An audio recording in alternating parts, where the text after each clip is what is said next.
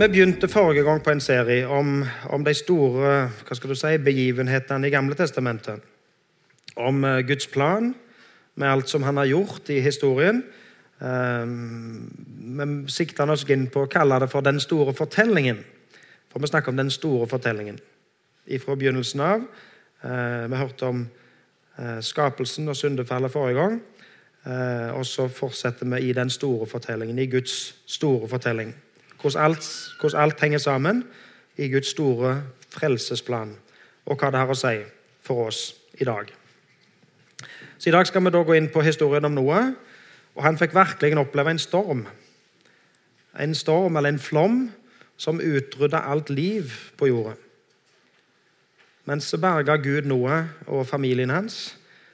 Eh, og mens stormen raste på, så var Noah trygg inni arken. Han ble iallfall ført gjennom stormen. Og Så kan vi jo spørre oss da ble det stilt etter stormen. Eller merka vi noe til stormen fremdeles? Vi skal lese tre tekster fra første Mosebok. Begynner i kapittel 6. Det står i møtefolderen deres hvis dere heller vil følge med der, eller det står her oppe. Første Mosebok 6, og ifra vers 5. Herren så at menneskenes ondskap var stor på jorden. For alt de ville og planla i sitt hjerte, var ondt dagen lang. Da angret Herren at han hadde laget mennesker på jorden, og han var full av sorg i sitt hjerte. Og Herren sa, Jeg vil utslette menneskene som jeg har skapt, fra jorden. Alt fra mennesker til fe, kryp og fugler under himmelen, for jeg angrer at jeg har laget dem. Men Noah fant nåde for Herrens øyne. Dette er Noahs slektshistorie. Noah var en rettferdig mann, en helstøpt mann i sin tid. Noah vandret med Gud. Og Så skal vi hoppe til kapittel 8 og vers 18. Så gikk Noah ut sammen med sine sønner og sin kone og sine svigerdøtre. Og alle ville dyr og alt fe og alle fugler og alt kryp som det kryr av på jorden. Art etter art gikk ut av arken. Noah bygde et alter for Herren, og han tok noen rene dyr og noen rene fugler og ofret brennofferet på alteret. Og Herren kjente den behagelige duften. Da sa Herren i sitt hjerte, jeg vil aldri mer forbanne jorden for menneskets skyld, selv om menneskehjertet vil det onde fra ungdommen av. Aldri mer vil jeg drepe alt som lever, slik jeg nå har gjort.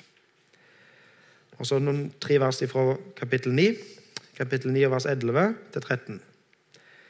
Jeg oppretter min pakt med dere. Aldri mer skal det skje at alt kjøtt og blod blir utryddet av vannet fra storflommen. Aldri mer skal en storflom komme for å ødelegge jorden. Og Gud sa, dette tegnet setter jeg for pakten mellom meg og dere, og hver levende skapning som er hos dere i kommende slektsledd til alle tider. Jeg setter buen min i skyene. Den skal være et tegn på pakten mellom meg og jorden. Jeg, eh, jeg vil jo i utgangspunktet tenke godt om folk.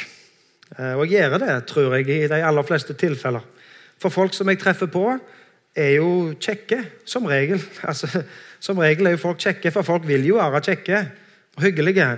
Og folk vil jo helst gjøre godt og gjøre det som er rett. Så jeg tenker at ja, i utgangspunktet så vil jeg tenke godt om folk. Så står det i vår tekst her at Gud så at menneskenes ondskap var stor på jorden. Det er en veldig beskrivelse der. De sier jo her at alt de ville og planla i sitt hjerte, var ondt dagen lang. Hvordan var det da? Hvordan var menneskene da, hvis Gud så sånn på det? At alt de ville og planla Det høres jo voldsomt ut. Alt var ondt dagen lang. Og jeg syns ikke det stemmer med, med folk som jeg omgås med, egentlig. Så har jeg tenkt litt grann, hva, hva med meg da inni, inni dette her? Jeg òg prøver jo på en måte så godt jeg kan. Jeg har lyst til å bidra positivt.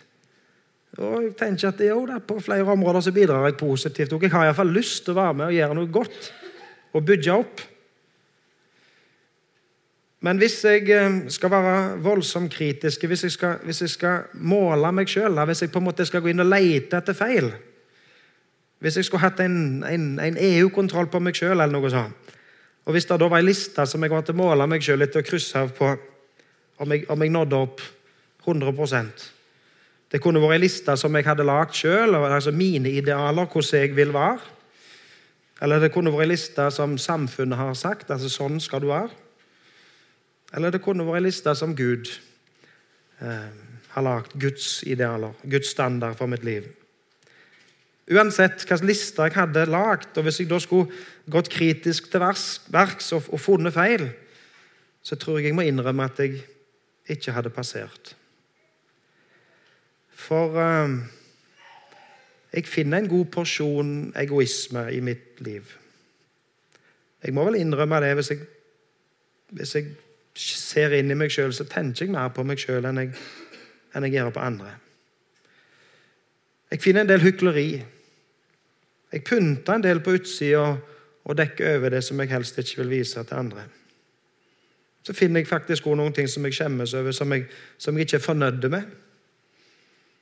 Og Så blir det litt sånn ja, Gud har skapt meg i sitt bilde, men likevel så, så er det en del ting jeg ikke er fornøyd med, som jeg helst skulle hatt annerledes. Det hender jeg klager, det hender jeg er sur, det hender jeg er sinte. Det hender jeg ikke er så lett å omgås med, leve sammen med.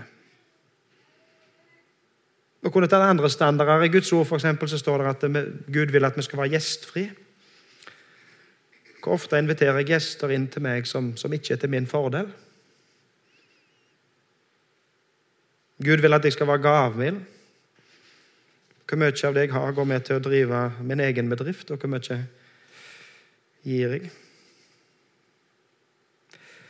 Og så står det at Gud så at menneskenes ondskap var stor på jorden. Og det er jo klart at Når vi leser denne teksten, så kan vi spørre oss hva tenker Gud om vår tid? da? Hva tenker Gud om den tid som vi lever i? Og Hvis vi leser nyere historie, så, så finner vi mange eksempler på at menneskenes ondskap var stor, er stor. Og om vi måler vår tid opp imot Guds standard, så er det nok grunn til å si at det er ondskap i denne verden. Og så angra Gud. Gud var full av sorg i sitt hjerte. Da angret Herren at han hadde laget mennesker på jorden, og han var full av sorg i sitt hjerte. For i sin omsorg og i sin kjærlighet til menneskene så skulle han ønske at det var annerledes. Gud angrer. Han ville jo ikke hatt det sånn. Men han må jo ha visst det. Han må jo ha visst at det ble så. Hvorfor gjorde han det på den måten? Kan Gud angre? Han burde jo forutsett alt det der. Guds sorg over menneskene og, og menneskenes ondskap beskrives i Bibelen. Og hans store, store sorg er at menneskene som var skapt til fellesskap med Han, har valgt ondskapen framfor Gud. Og mennesket kan egentlig ikke annet. I kapittel 8, vers 21 står det menneskehjertet vil det onde fra ungdommen av. Menneskehjertet vil det onde fra ungdommen av. Det sier Gud etter flommen, etter Noah er kommet ut av arken. Og så gjentar det seg om igjen og om igjen og om igjen. Historien vår viser at galne ting, vonde ting, skjer om igjen og om igjen og om igjen. Og Herren sa, 'Jeg vil utslette menneskene som jeg har skapt fra jorden.' Alt fra mennesker til fe, kryp og fugler under himmelen, for jeg angrer at jeg har laget dem.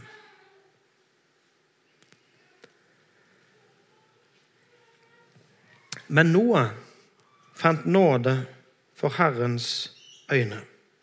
Dette er Noahs slektshistorie. Noah var en rettferdig mann, en helstøpt mann i sin tid. Noah vandret med Gud. Guds dom ble å utslette alle mennesker. Alle mennesker unntatt én, og familien hans. Og hvorfor, hvorfor, hvorfor det? Hva var annerledes med Noah? Jo, det står her at Noah fant nåde for Herrens øyne. Det var annerledes med Noah. Og Hadde det ikke vært for Guds nåde, så hadde denne verden gått unna for lenge siden. Men Gud ønsker å frelse. Gud ønsker å gi sin nåde. Og Hvem er det som får Guds nåde, da, hvis du tenker på ordet? Hvem, får nåde? Hvem tar imot nåde? Jo, det er jo den som egentlig fortjener noe annet, som får nåde. Hva var forskjell på Noah og de andre? Noah var ikke syndfri, verken før eller etter flommen. Men det står at Noah var en rettferdig mann. Noah var en helstøpt mann i sin tid. Noah vandret med Herren. Og Så ser vi det etter flommen òg, at når Noah kommer ut fra arken, så bygger Noah et alter for Gud. Henvender seg til Gud, vandrer med Gud. Vi kan lese Hebreabrevet òg, i Nytestamentet, om at i tro fikk Noah varsel om det som ennå ikke var synlig. I Guds frykt bygde han en ark og berget sin familie.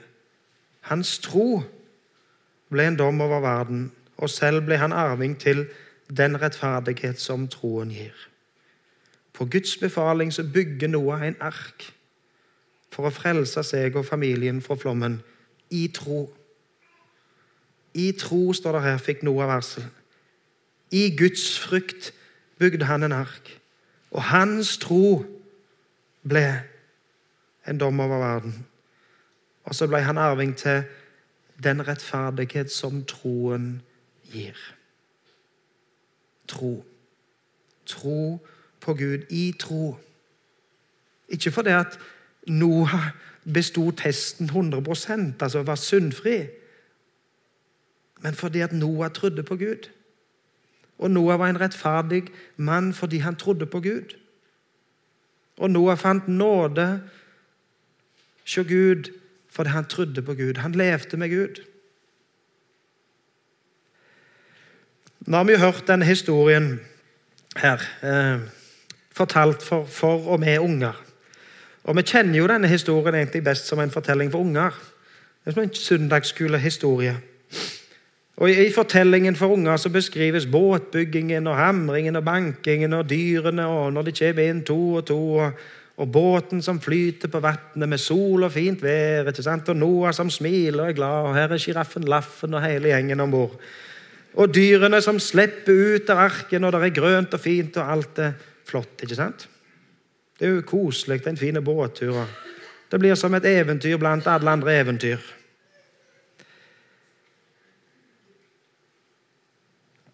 Men historien er ganske brutal. Det er en del kunstnere som har prøvd å beskrive hvordan denne flommen må ha vært. Altså, Det er noen som har lagd bilder for unger, sånn som vi så, men det er også bilder som er lagd som ikke egner seg for unger. Dette er et bilde av en franskmann fra 1800 som heter Gustave Doré. Nå er ikke jeg veldig på kunst, men han var i hvert fall en fransk kunstner. Oi, sånn. Og han illustrerte hele Bibelen. Har malt, tegnet, maleri Malt Ja, eh, hele Bibelen. Og Dette er kanskje et av de mest kjente bildene fra flommen. Altså Her er det noen unger som sitter på det siste som fins av et fjedel, en stein. Og så er det mor og en far som prøver å få opp så mange unger de klarer opp på den steinen. Og så setter de en tiger rett på sida. Det var jo det som skjedde i historien. Historien som fortelles for unger, er jo et eventyr. på en måte. Ja, det er ikke et eventyr, men det fortelles om et eventyr. Det går jo bra til slutt. Det er jo en happy ending. Så kan vi jo spørre oss da er det sant. Er denne historien sann?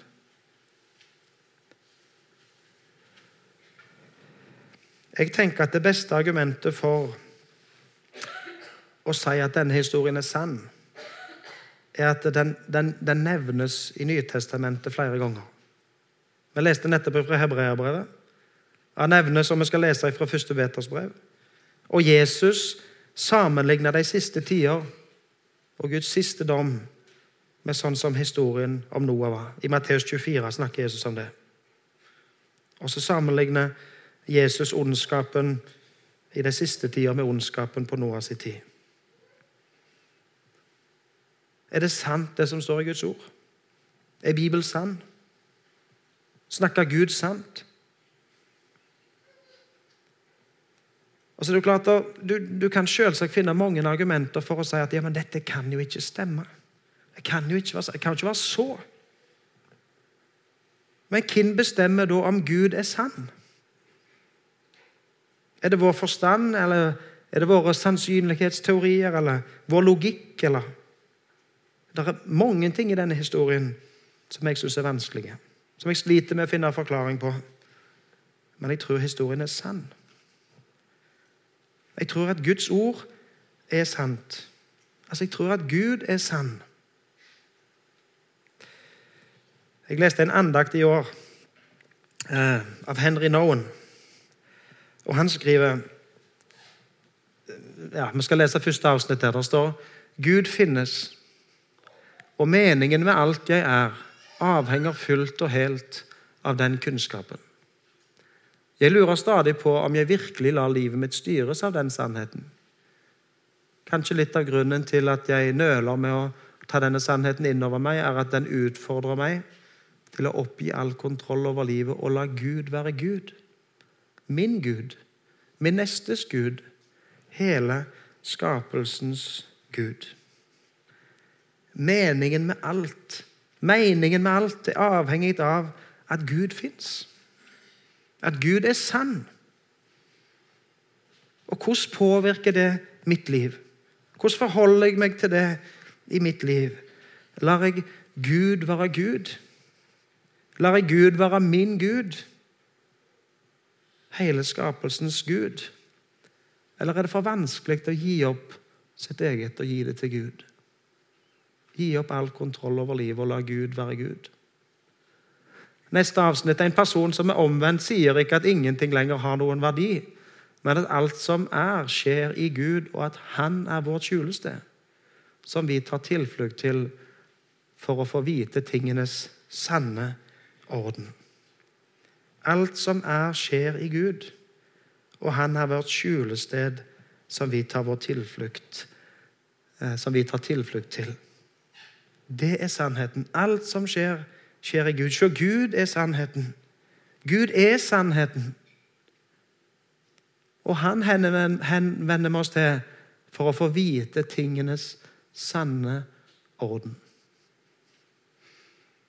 innholdsmetta ord av, av, han Henry Noen. Uh, han skriver en setning som er så innholdsmett at jeg måtte skrive flere bøker for å få det til. Men, men Gud er sann. Og det, uh, det er det som gir Det er det som er meningen med alt det her. Og jeg må la Gud få være Gud, min Gud, og da finner jeg sannheten. Etter flommen så eh, slipper Noah ut til verken eh, og dyrene. Eh, og så står det i vers, eh, kapittel 8 og vers 21 at Herren kjente den behagelige eh, Gud, offre, Noah ofra til Gud.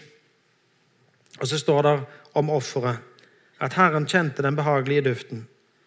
Da sa Herren i sitt hjerte, jeg vil aldri mer forbanne jorden for menneskets skyld selv om mennesket vil det onde fra ungdommen av. Aldri mer vil jeg drepe alt som lever, slik jeg nå har gjort. Det var faktisk ikke så at Gud utrydda synd. Da måtte jo han ha utrydda Noah òg og familien hans. Vi så jo det at Til og med etter flommen så sier, så sier Gud at mennesket vil det onde fra ungdommen av. Men selv om Noah ikke var syndfri, hva gjorde han etter han kom ut av arken? Jo, han bygde et alter for Gud.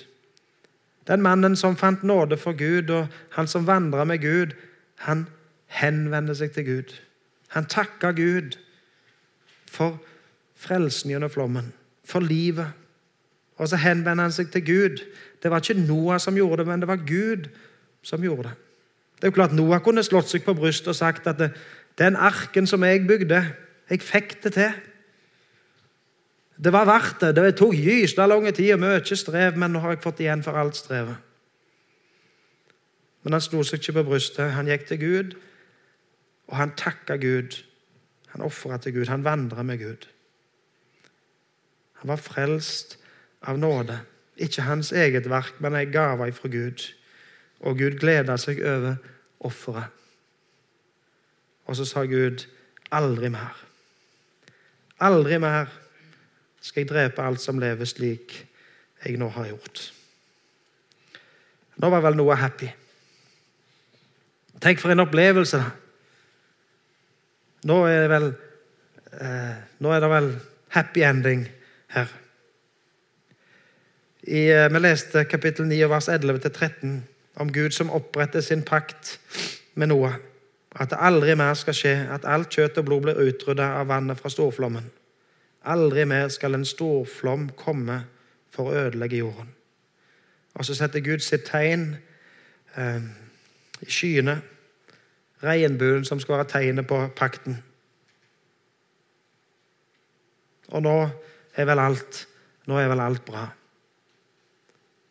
Nå er vel Noah takknemlige for, for frelsen og, og, og, bare glad og happy. Når jeg har tenkt litt på det for Noah, så må det jo ha hatt en voldsom pris. For det første så jobba han årevis med å bygge den arken. Han, han strevde virkelig for å, å, få det til. For å komme der til at han kunne bli frelst gjennom flommen. Og For det andre så gikk jo alt han hadde, gikk jo tapt. Alt han hadde bygd seg opp og, og ordna med her på jorda, gikk, forsvant. Han berga livet med en hus og hi med alt som han var vant til og glad i, forsvant. Og naboen hans hadde folk som han hadde omgås med, var ikke der lenger. Tenk f.eks. på familiene til svigerdøtrene.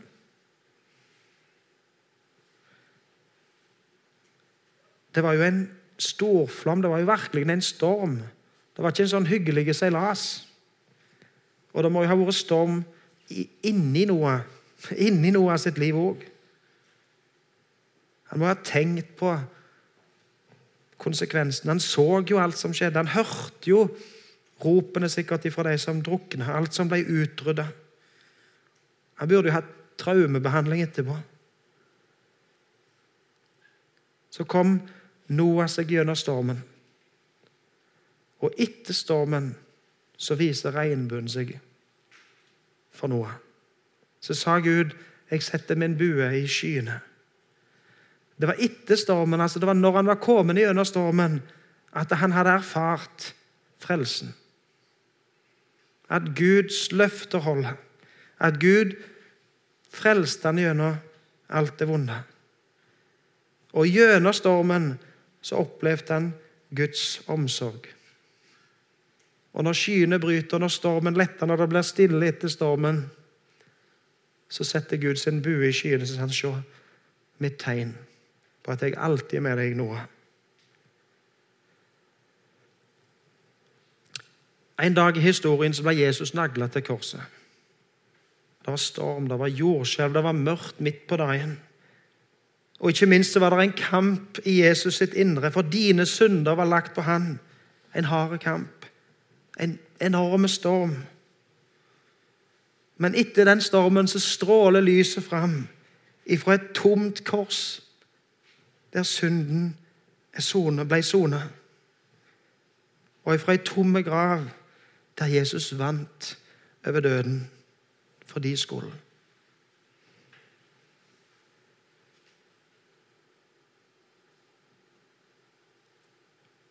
I 1. Peters brev så står det at arken er et forbilde på frelsen i Jesus.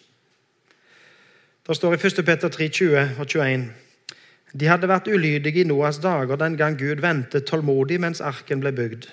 I den ble noen få mennesker, åtte i alt, frelst gjennom vann. Dette er et bilde på dåpen som, som nå frelser også dere.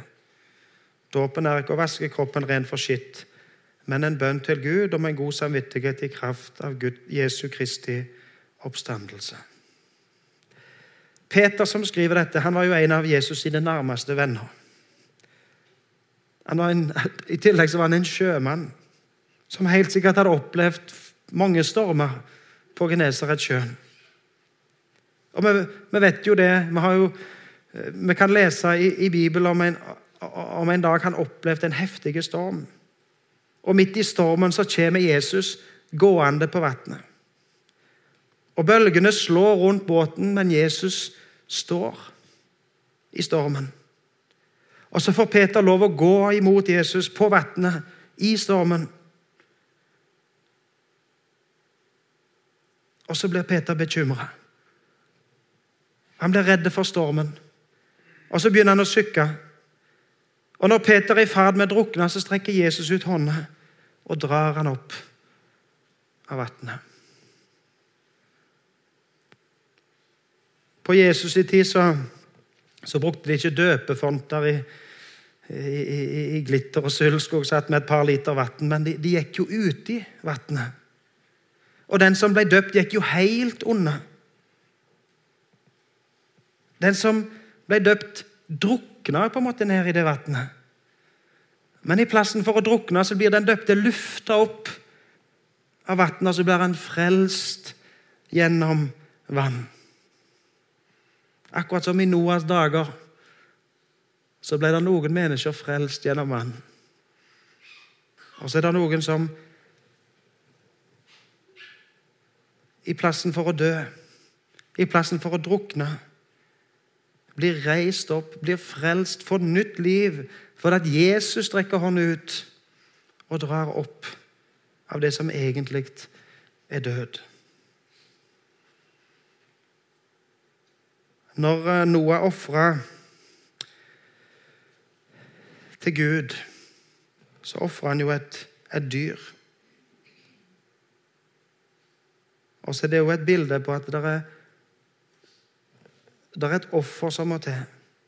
Jesus må ofres, Jesus må gi sitt liv. Jesus må gi sitt blod for oss. Og så blir Noah, historien om Noah og flommen blir et bilde på frelsen. Den som tar sin tilflukt til Jesus, den som tror på Jesus i kraft av Jesu Kristi oppstandelse. Det ble ikke slutt på storm etter noe. Synd og ondskap ble ikke utryddet. Det har storma ganske heftig etterpå òg. Og vi opplever jo alle at det stormer i livet. Større eller mindre stormer, ulike tider. Men Jesus står der i stormen og han strekker ut hånda. Og innimellom alle våre mørke skyer så bryter hans lys gjennom. Og så viser han oss regnbuen, korset, nåden. At han vil frelse oss gjennom stormen. At hans nåde heller. For Gud angrer ikke sine nådegaver og sitt kall. Gud angrer ikke på at han kalte deg. Gud angrer ikke på at han kalte Noah. For Gud vil gi deg av sin nåde. Noah fant nåde for Gud ved tro.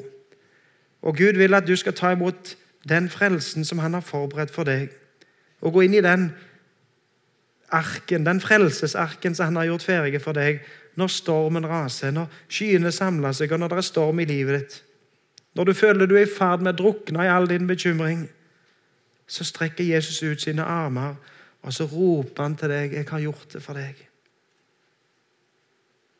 Jeg frelser deg gjennom stormen. Se på mine gjerninger, se på mine tegn, se på regnbuen, se på korset. Se på meg. Tro på meg.